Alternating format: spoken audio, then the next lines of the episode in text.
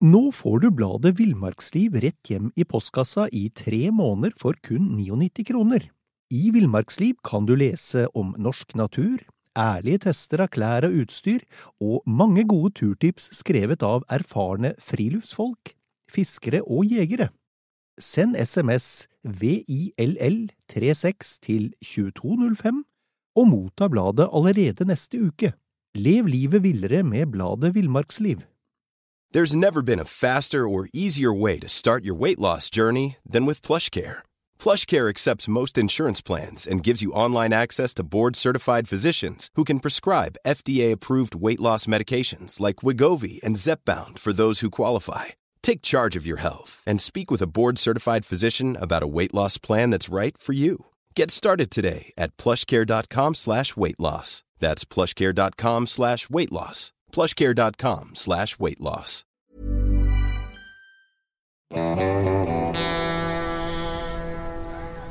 Velkommen til podkasten Villmarksliv. Mitt navn er Knut Brevik, og jeg er redaktør i bladene Villmarksliv, Jakt og Alt om fiske. Og jeg er Dag Kjelsås, og har jobba sammen med deg i mange år, Knut. Ja. Eh, I dag så skal vi, så skal vi lage en, en episode i serien Villmarksrådet, Dag. Vi er jo, vi er jo allvitende. Vi Oi! er som Ja da, ja da. Vi er to gamle ugler som, som sitter vaglet opp og har absorbert alt av kunnskap i løpet av vår livstid. Snakk for deg sjæl. Nei, eh, fra spøk til alvor. Vi har altså, vi har altså en, en, en spalte som vi kaller Villmarksrådet. Det er, det er henta fra bladet Villmarksliv, hvor en rekke av våre fremragende medarbeidere, spesialister, sparer på spørsmål om alt fra dyreliv til jakt og fiske. Det er Tom Shandy, det er Jon Arne Tungen, det er, det er Arne Hamarsland, Andreas Næristorp, eh, og det er deg i dag. Ikke minst. Dette høres bra ut, Knut, men det betyr at vi nå leser opp spørsmål som Ja vi har eh, fått eller hørt eller kommet over, og så eh, skal vi svare annenhver gang, kanskje? Det gjør vi. Det gjør vi. Da starter vi med et spørsmål rundt smergel eller slipestein.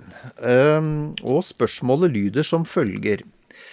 Jeg har en gammel onkel som sverger til smergelskive når knivene skal slipes.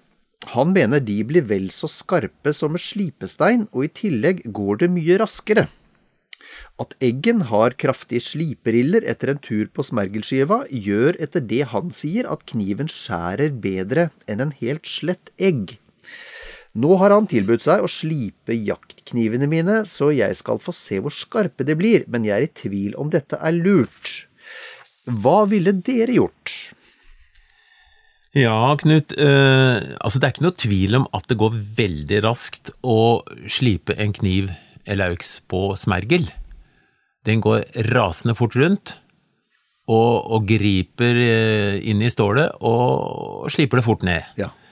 Men det er et kjempeproblem, og det er at det utvikles varme. Eh, allerede ved 150 grader så ødelegges eller begynner herdingen å ødelegges, og, og knivblader er som du vet, de er herda Ja. ved temper visse temperaturer for at de skal ha den spensten ø, og styrken som ø, må til. Så ø, hvis, du, hvis du er, holder kniven lenge på smergeren, så ser du faktisk at eggen begynner å bli svart, fordi det blir så varmt, Akkurat. og da har du ødelagt eggen mer eller mindre. Ok. Eh, Så jeg vil absolutt ikke anbefale å sende bort jaktknivene for, eh, for sliping på smergel. Nei. Eh, At du opplever at knivene kanskje kan virke ekstra skarpe, det består i at du, skal vi si det populistisk, at det, at det blir en slags sag. Ja, for det blir sånn, det blir sånn spon nærmest på Ja, på det sida av eggen der. Litt, litt slags riller på en måte. Nettopp. Eh, og du vet jo at en, en brødkniv for eksempel skjærer mye bedre i brød enn en helt vanlig, men skarp kniv. Ja. Eh, fordi du, du sager litt, grann, da. Men, men eh, i utgangspunktet så er ikke det bra eh, til annet enn hvis du skal kutte tauverk, eksempel. Da. Nei. Da, da er det effektivt. Nettopp. Men, men eh, til slakting, eksempel, eller vanlig spikking, så er det veldig greit å ha en kniv som er sylskarp, men, men med jevn slip. Nettopp. Så, så her er det problemet er rett og slett at, um, at smergeren um, ødelegger herdinga på kniven, så det skal Ja. man være vær, svært varsom med. Ja. Eh, så er det din tur med spørsmål, Knut. Okay. Er hodeskudd forsvarlig? Eh, sist høst kom jeg opp i en diskusjon med en av de nye gutta på jaktlaget, skriver innsenderen. Ja. Da vi kom fram til fallet, så vi at ungdyret var skutt i hodet, ikke med hjerte- eller lungeskudd. Jeg påpekte at dette likte jeg dårlig. Selv om slaktet var veldig fint, medførte dette skuddet økt risiko for skadeskyting og ettersøk, noe jeg var veldig lite interessert i. Men ungdommen ga seg ikke, han mente at holdet på knappe, på knappe 50 meter, en elg som sto dørgende stille, og at han hadde børsa i anlegg, gjorde dette til et sikkert skudd. Hva er rett, og er det lov å tenke sånn, Knut? Ja, det er jo det er et interessant spørsmål. Um, fordi, fordi det diskuteres jo eh, fra tid til annen. Og altså viltloven det krever at viltet avlives uten fare for unødig lidelse. Um, jaktutøvelse, hvis du jakter sånn at det medfører økt fare for skarskyting, den vil fort komme i kategorien inhuman jakt, og det vil være et brudd på viltloven. Og selv, jeg, jeg tenker som mangeårig storviltjeger, selv om både avstand og anlegg gjør at hodeskuddet virker sikkert, så skal det altså nesten ingenting Altså et insekt som passerer eh, elgen eller hjorten f.eks., eller rein, eller en lyd, så er det nok til at viltet kaster på hodet, eller beveger litt på seg. Og det er jo ikke mange centimeter det skal bevege på hodet før eh, det går fra å være eh, et drepende skudd til å bli en stygg skadeskyting.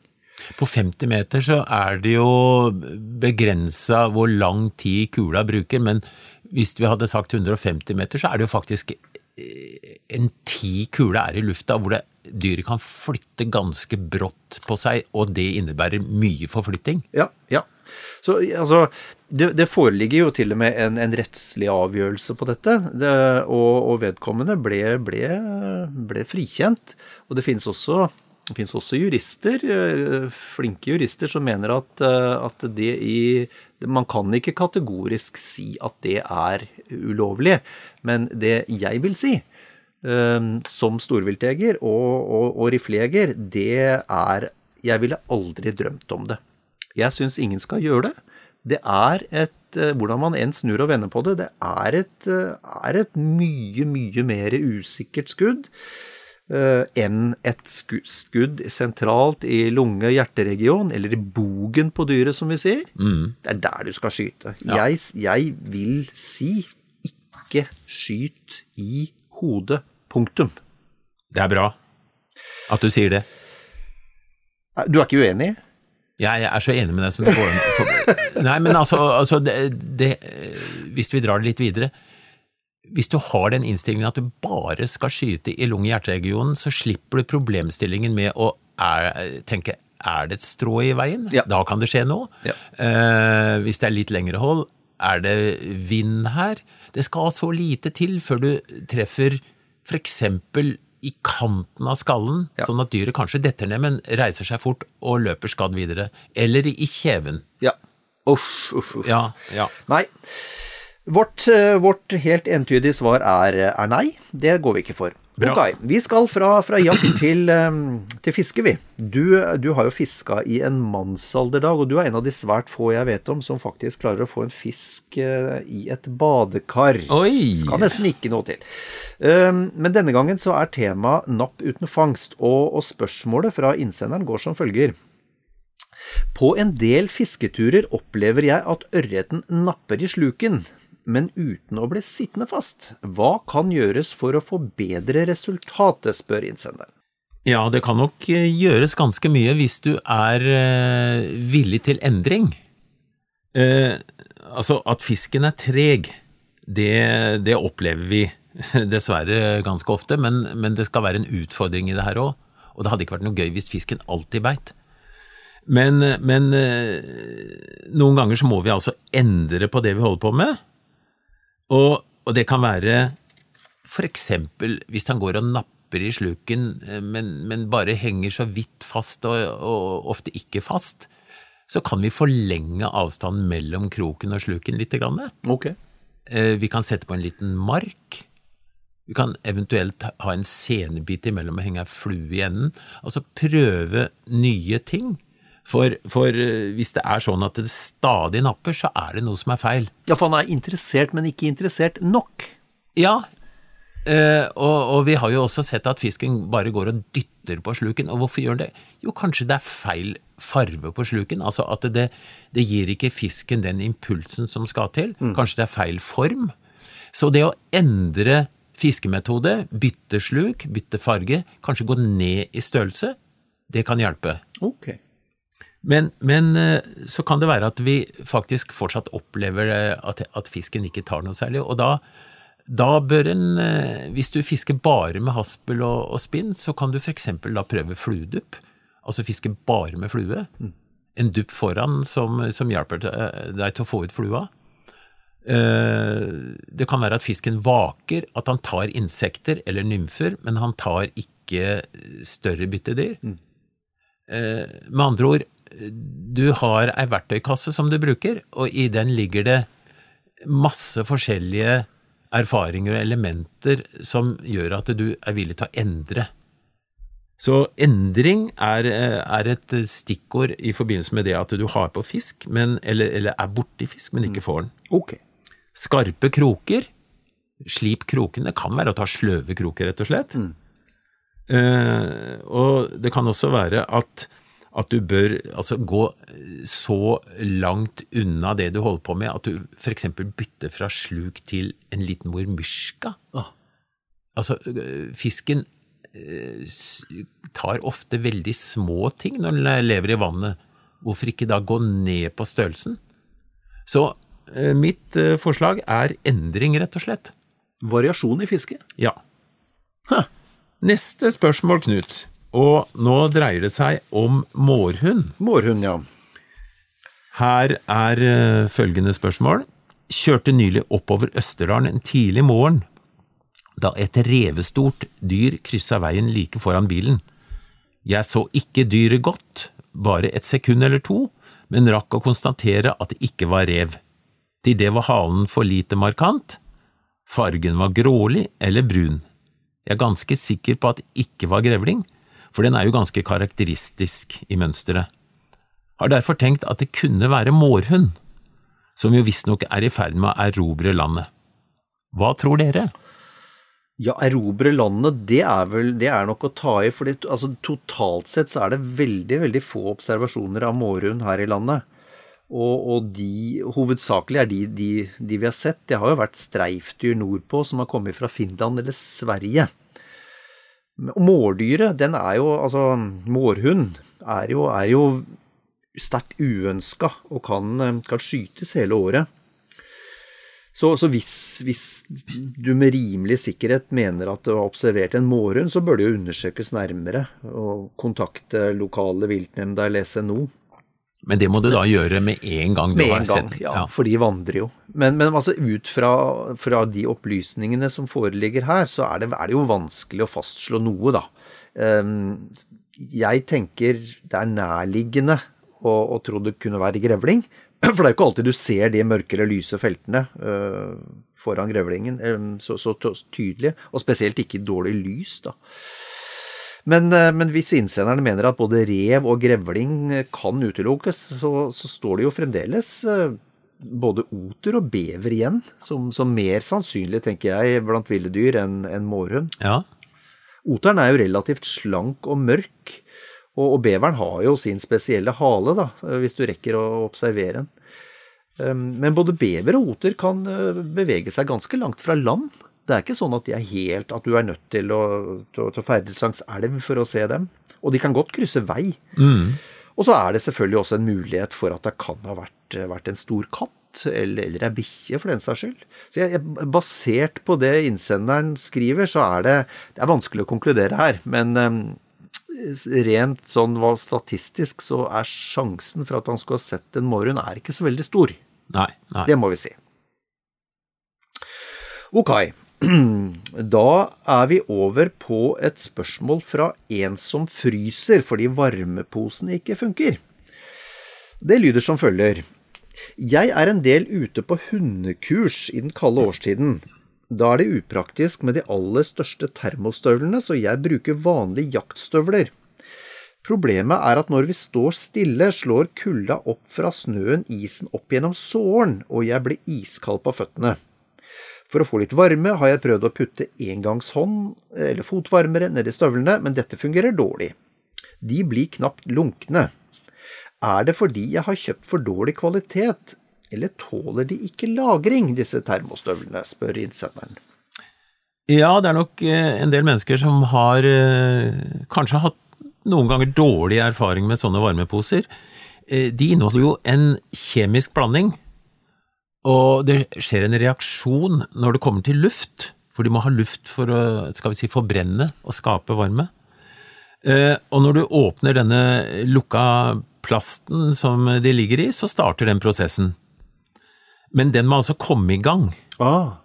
Så det er litt som å fyre i en kald vedovn, du må ha oppfyringsmateriale først.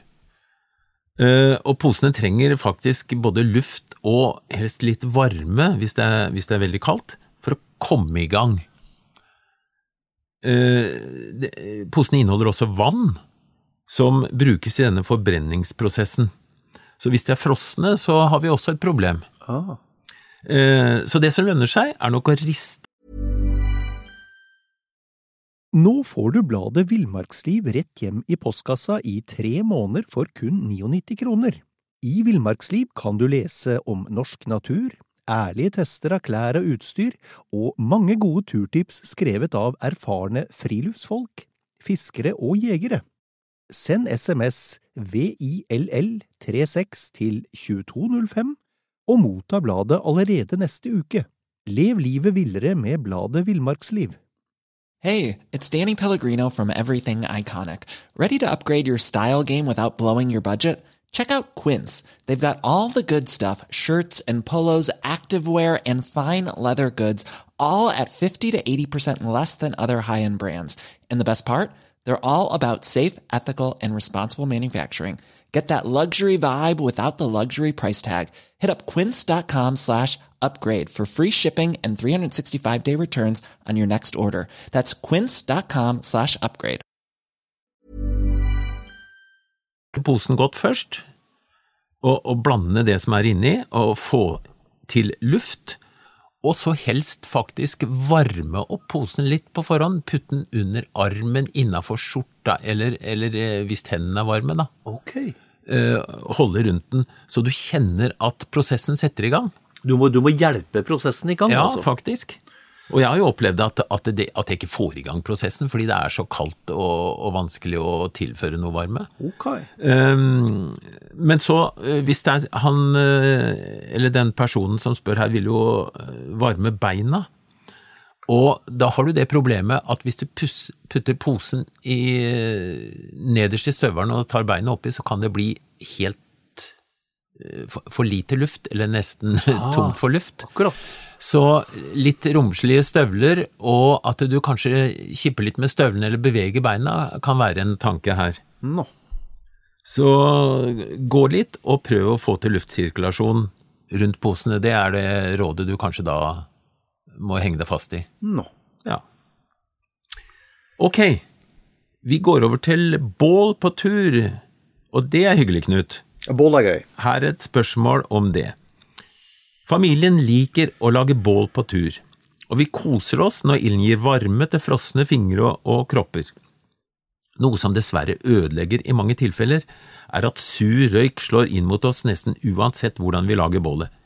Hvilken tresort bør velges til ved, og hva kan gjøres for at det ikke skal ryke? Ja. Altså Vanligvis så har vi jo valget mellom å samle ved fra bjørk, gran eller furu. Granveden den ryker lite, men gnistrer derimot. Uh, Furuveden gir litt sånn feitere røyk, avhengig av hvor mye tydelig det er igjen. Um, Bjørkeveden, der er det særlig barken som utvikler røyk. Og det som, det som ofte, oftest da fører til ekstra røyk, det er jo at veden ikke er tørr. Fuktig ved, det gir, eh, det gir sånn sur og guffen røyk. Og, så sånn at eh, som en hovedregel da, så bør det jo brukes noe energi på å finne tørr ved, tørrkvist. Og har du, med, har du med sag og øks, så vil det beste være å, å leite etter litt store sånne tørrstammer som sages opp eller deles. Og ta av barken hvis den er fuktig. Mm. Uansett så vil det ryke mer eller mindre fra et bål, da, og røyken kan avledes noe ved å bygge opp en levegg av stein. Eh, ild og røyk vil da på en måte sånn stryke opp langs denne, denne leveggen. Og så er det jo, det er jo Noen av oss har jo erfart at uansett hvor vi setter oss, så kommer røyken dit. Det er ikke så få noe mer. Ja, nei, det, det er nok sant. Men, men, men, du er nok inne på de to viktige tingene, nemlig at fuktighet, det, det skaper røyk. Mm. Og så er det valg av Ikke, ikke velg Tyri hvis du ikke vil ha røyk, for den, den, ryker det feit røyk av. Ja, ja. Og så, og så er det klart, det er jo opplagt, da, men, men øh, vedkommende må jo også ta hensyn til vindretningen da, når Ja, du plasserer bålet, og seg sjøl i forhold. Ålreit, her, er snadder- her er snadder for deg i dag. Det handler om et godt ørretvann. Og det spørsmålet lyder som følger. For noen år siden leste jeg en sak i Villmarksliv der dere skrev at det var usedvanlig bra ørretvann på Jæren. Selv bor jeg i Stavanger, og jeg har fisket i disse områdene i rundt 60 år. Men jeg må innrømme at jeg ikke vet om noen ørretvann som er usedvanlig bra. Hva definerer dere som et usedvanlig godt ørretvann? Ja, øh, jeg tror øh, fiskere har nok forskjellige øh, mål her. Mm. Min erfaring er at et godt ørretvann enten gir relativt mye fisk i det jeg kan kalle pen størrelse. Hva er det i dine øyne dag? Eh, pen størrelse tenker jeg for min del, det er ja, si 300-400 gram og opp imot kiloen. Ja. Eh, den andre muligheten er at det er muligheter for stor fisk, og da snakker vi fisk over kiloen. Det er ørret jeg snakker om nå, da. Ja. Eh, eh, men erfaringen etter å ha snakka med mange sportsfiskere, er at det faktisk i jernområdet, som det henvises til her, fins vann med veldig fin og, og til dels stor fisk. Eh, Men vi veit jo det at vi kan jo fiske et liv i et vann med stor fisk uten nødvendigvis å få den. Ja, ja. For, for det er, naturen er nå engang sånn at det er få store fisker. Så, så det, det går litt på erfaring og hva du regner som et bra vann, da. Eh, jeg, jeg har ikke fått fisk i det området på Jeg tror, tror den, den største jeg har fått, veide 970 gram, eller et eller annet sånt. Men, men uh, når det gjelder spørsmålet om å røpe navnet på vannet, da, Ja. eller vannene, ja. uh, så har jeg et prinsipp. Eh, Jeg røper ikke navn på et vann hvor jeg veit at mange etterpå vil fiske, og, og at vannet ikke tåler hardt fiske. Det er lite, eller det er en, en bestand som rett og slett ikke tåler å bli fiska hardt på. Eh, Noen slipper jo selvfølgelig fisken ut igjen, men, og noen tar den med hjem. Men så er det kanskje en garnfisker som får greie på det, som skal fylle fryseren både sin egen og naboen sin, og da er det på en måte slutt. Så det har, har ikke noe med å, å holde på en hemmelighet for å ha nytte av det sjøl, men det har noe med hensynet til ikke minst grunneieren som eier vannet, og til andre fiskere som har dette vannet. Så, så jeg røper ikke eh, i dette tilfellet her noe navn på noe vann, altså. Nei, nei, men det der er jo, det er jo ikke, ikke akkurat det han spør om, men det er jo en interessant diskusjon, for det der er jo litt sånn policy vi har hatt i villmarkslivet i mange år. Det at vi, vi, eh, vi røper Og det, ikke, det er som du sier, det er ikke fordi vi skal sitte på hemmeligheten, men hvis det er et lite sårbart vann eller vassdrag, så er vi veldig forsiktige. Hvis, er, hvis vi snakker om, om Mjøsa, så er det noe helt annet. Men at vi er forsiktige med å fortelle eh, konkret navn på fiskeplasser hvis, eh, hvis det er lite og sårbart. Ja, det er, det er en blanding av det eh, Altså, du, du må forholde deg til at du skal være ålreit mot andre fiskere som kanskje ikke har så mye erfaring, og hjelpe dem, eh, men også da hensynet til ikke minst det biologiske her. At eh, tåler vannet at det blir fiska hardt. For, for, det er jo sånn da, at hvis tre-fire stykker veit om et bra fiskevann, så skal de fortelle det til to stykker mot at de lover å holde kjeft, som, mm. som da igjen forteller det til to-tre andre, og så, så, har du det gående. Ja. Så, så, jeg holdt på å si dessverre så er det sånn at en del vann er såkalt hemmelige. Mm. Mm. Men det er jo litt sport i det å finne nye vann, da. ja. Ok, over til noe annet. Ingen av oss liker å fryse på hendene, Knut. Her er et spørsmål uh, fra en frossenpinn. Tidlig i våres var jeg på havfiske med stang etter skrei med en leid 17-fots båt under ganske kjølige forhold, og det ble mye fisk. Jeg prøvde et par typer votter og vanter, men ble uansett våt og kald. Fordi det ble mye klin med håndtering av fisk, var yttervotter med ullvotter inni tross alt best, selv om jeg ble våt. Jeg har sett fiskere som bruker profesjonelle vanntette hansker, som antagelig er fora, men er ganske sikker på at dette ikke er varmt nok for meg, da jeg er en frysepinn. Mottar gjerne tips rundt dette temaet. Ja, Uh, og det, det, vet vi jo noen hver at uh, når du fisker, fisker, på sjøen eller i fjorden vinterstid, så blir det kaldt. Og hvis du skal håndtere ei fiskesnelle, så, så må jo votter eller hansker være Først og fremst må de være myke nok og forma slik at det er mulig å, håndtere, håndtere utstyret. Tradisjonelt så har jo yrkesfiskerne brukt tova ullvotter. Eh, for ulla har jo den, den velsigna egenskapen at de holder jo brukbart på varmen selv om de er gjennomvått. Mm. Um, men, eh, men, men, jeg tenker at siden innsenderens eh, ytter- og indrevotter fungerer rimelig bra, så, så vil jeg foreslå at han trer en tynn plastpose utenpå innevottene. Ja, for da holder de seg tørre? Da holder de seg tørre, og de utette yttervotta de blir våte, mens innevottene holder seg tørre. Og tilsvarende prinsipp det kan man jo med fordel også bruke på, på føttene. Det fås dessuten både neoprenhansker og vanntette votter og, og vanntente yttervotter som kan kombineres med gode innevotter. Jeg ville sjekka butikker eller nettbutikker som har fjellutstyr, eller hos dem som har spesialisert seg på, på, på, på utstyr for eh, profesjonelle fiskere. Ja, og her det, er det en løsning. Det, det finnes utstyr, og, og, som du da må tilpasse rett og slett den situasjonen du har. Eh, hvis du, hvis du skal drive med en type fiske hvor du ikke har følelse med det du holder på med fordi vottene er for tjukke, så er det jo ikke noe hjelp i at du holder deg varm. Nei. Vi skal, oss, vi skal holde oss, i det våte element vi i dag, og dette er igjen et spørsmål om fiske, nå om strekk i fiskescene. Og, og det lyder som følger. Jeg liker å fiske både i ferskvann og saltvann. På en av turene til kysten begynte en av de andre i båten å glise da han så meg slippe ut 100 meter 040-scene mens, mens jeg dro snøret opp og ned en liten meter i hvert rykk. Jeg spurte hvorfor han gliste av fiskinga mi, og fikk til svar at hvis jeg trodde dette at hvis jeg gjorde dette for å trene armene, var det for så vidt greit, men hvis jeg trodde dette fikk pilken i enden av snøret til å fiske bedre, fikk jeg tro om igjen. Til det var bevegelsen for liten og snøret for elastisk.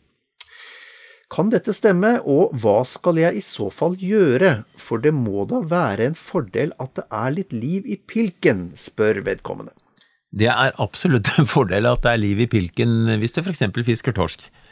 Eh, han kompisen har nok rett i mye av det han sier, nemlig at det, scener strekker seg veldig mye hvis du har eh, fiske med, på 50 meter, f.eks.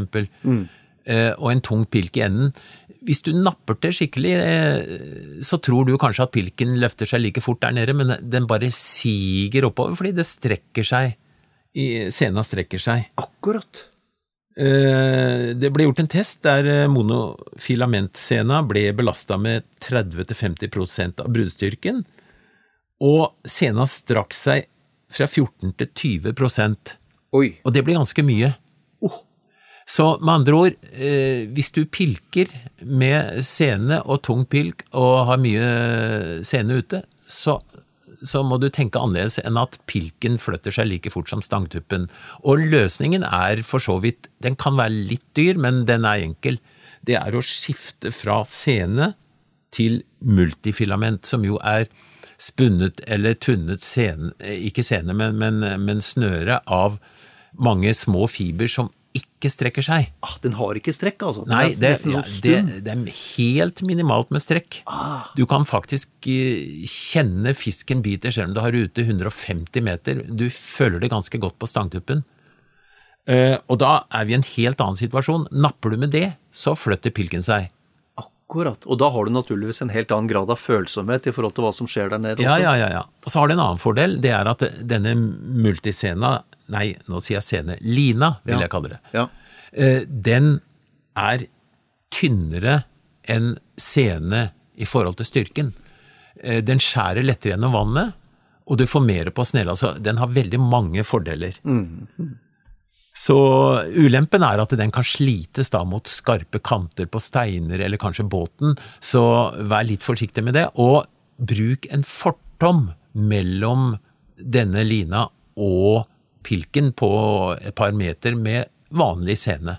Akkurat. Akkurat. Så mitt råd er at du rett og slett skifter snøret på snella. Ja, eh, nå, Knut, et spørsmål om lang drektighet. Jeg er en ivrig rådyrjeger. Rådyrets brunsttid er i juli-august, men kjenet kommer ikke til verden før i mai-juni neste år. Det er en svært lang drektighetstid, omtrent like lang som hos mennesker. Eh, hva er det som skjer? Ja, det er et godt spørsmål. Fordi eh, rådyrkje trenger jo ikke så lang tid på selve fosterutviklinga.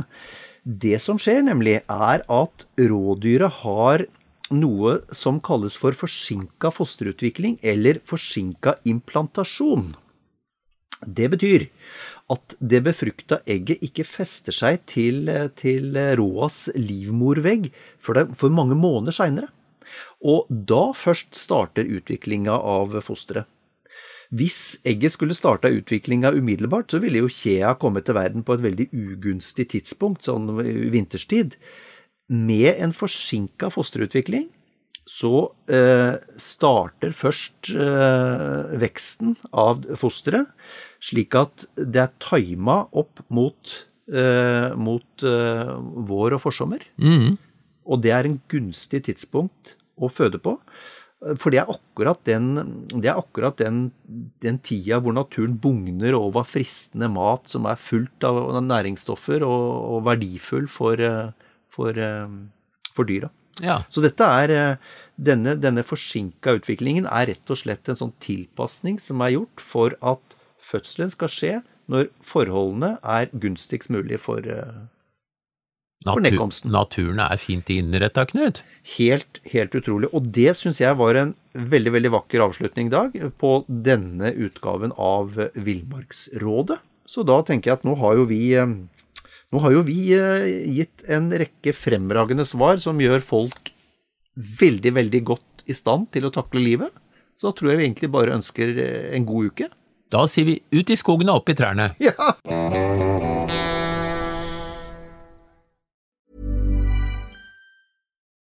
Nå får du bladet Villmarksliv rett hjem i postkassa i tre måneder for kun 99 kroner. I Villmarksliv kan du lese om norsk natur, ærlige tester av klær og utstyr, og mange gode turtips skrevet av erfarne friluftsfolk, fiskere og jegere. Send SMS VILL36 til 2205 og motta bladet allerede neste uke. Lev livet villere med bladet Villmarksliv.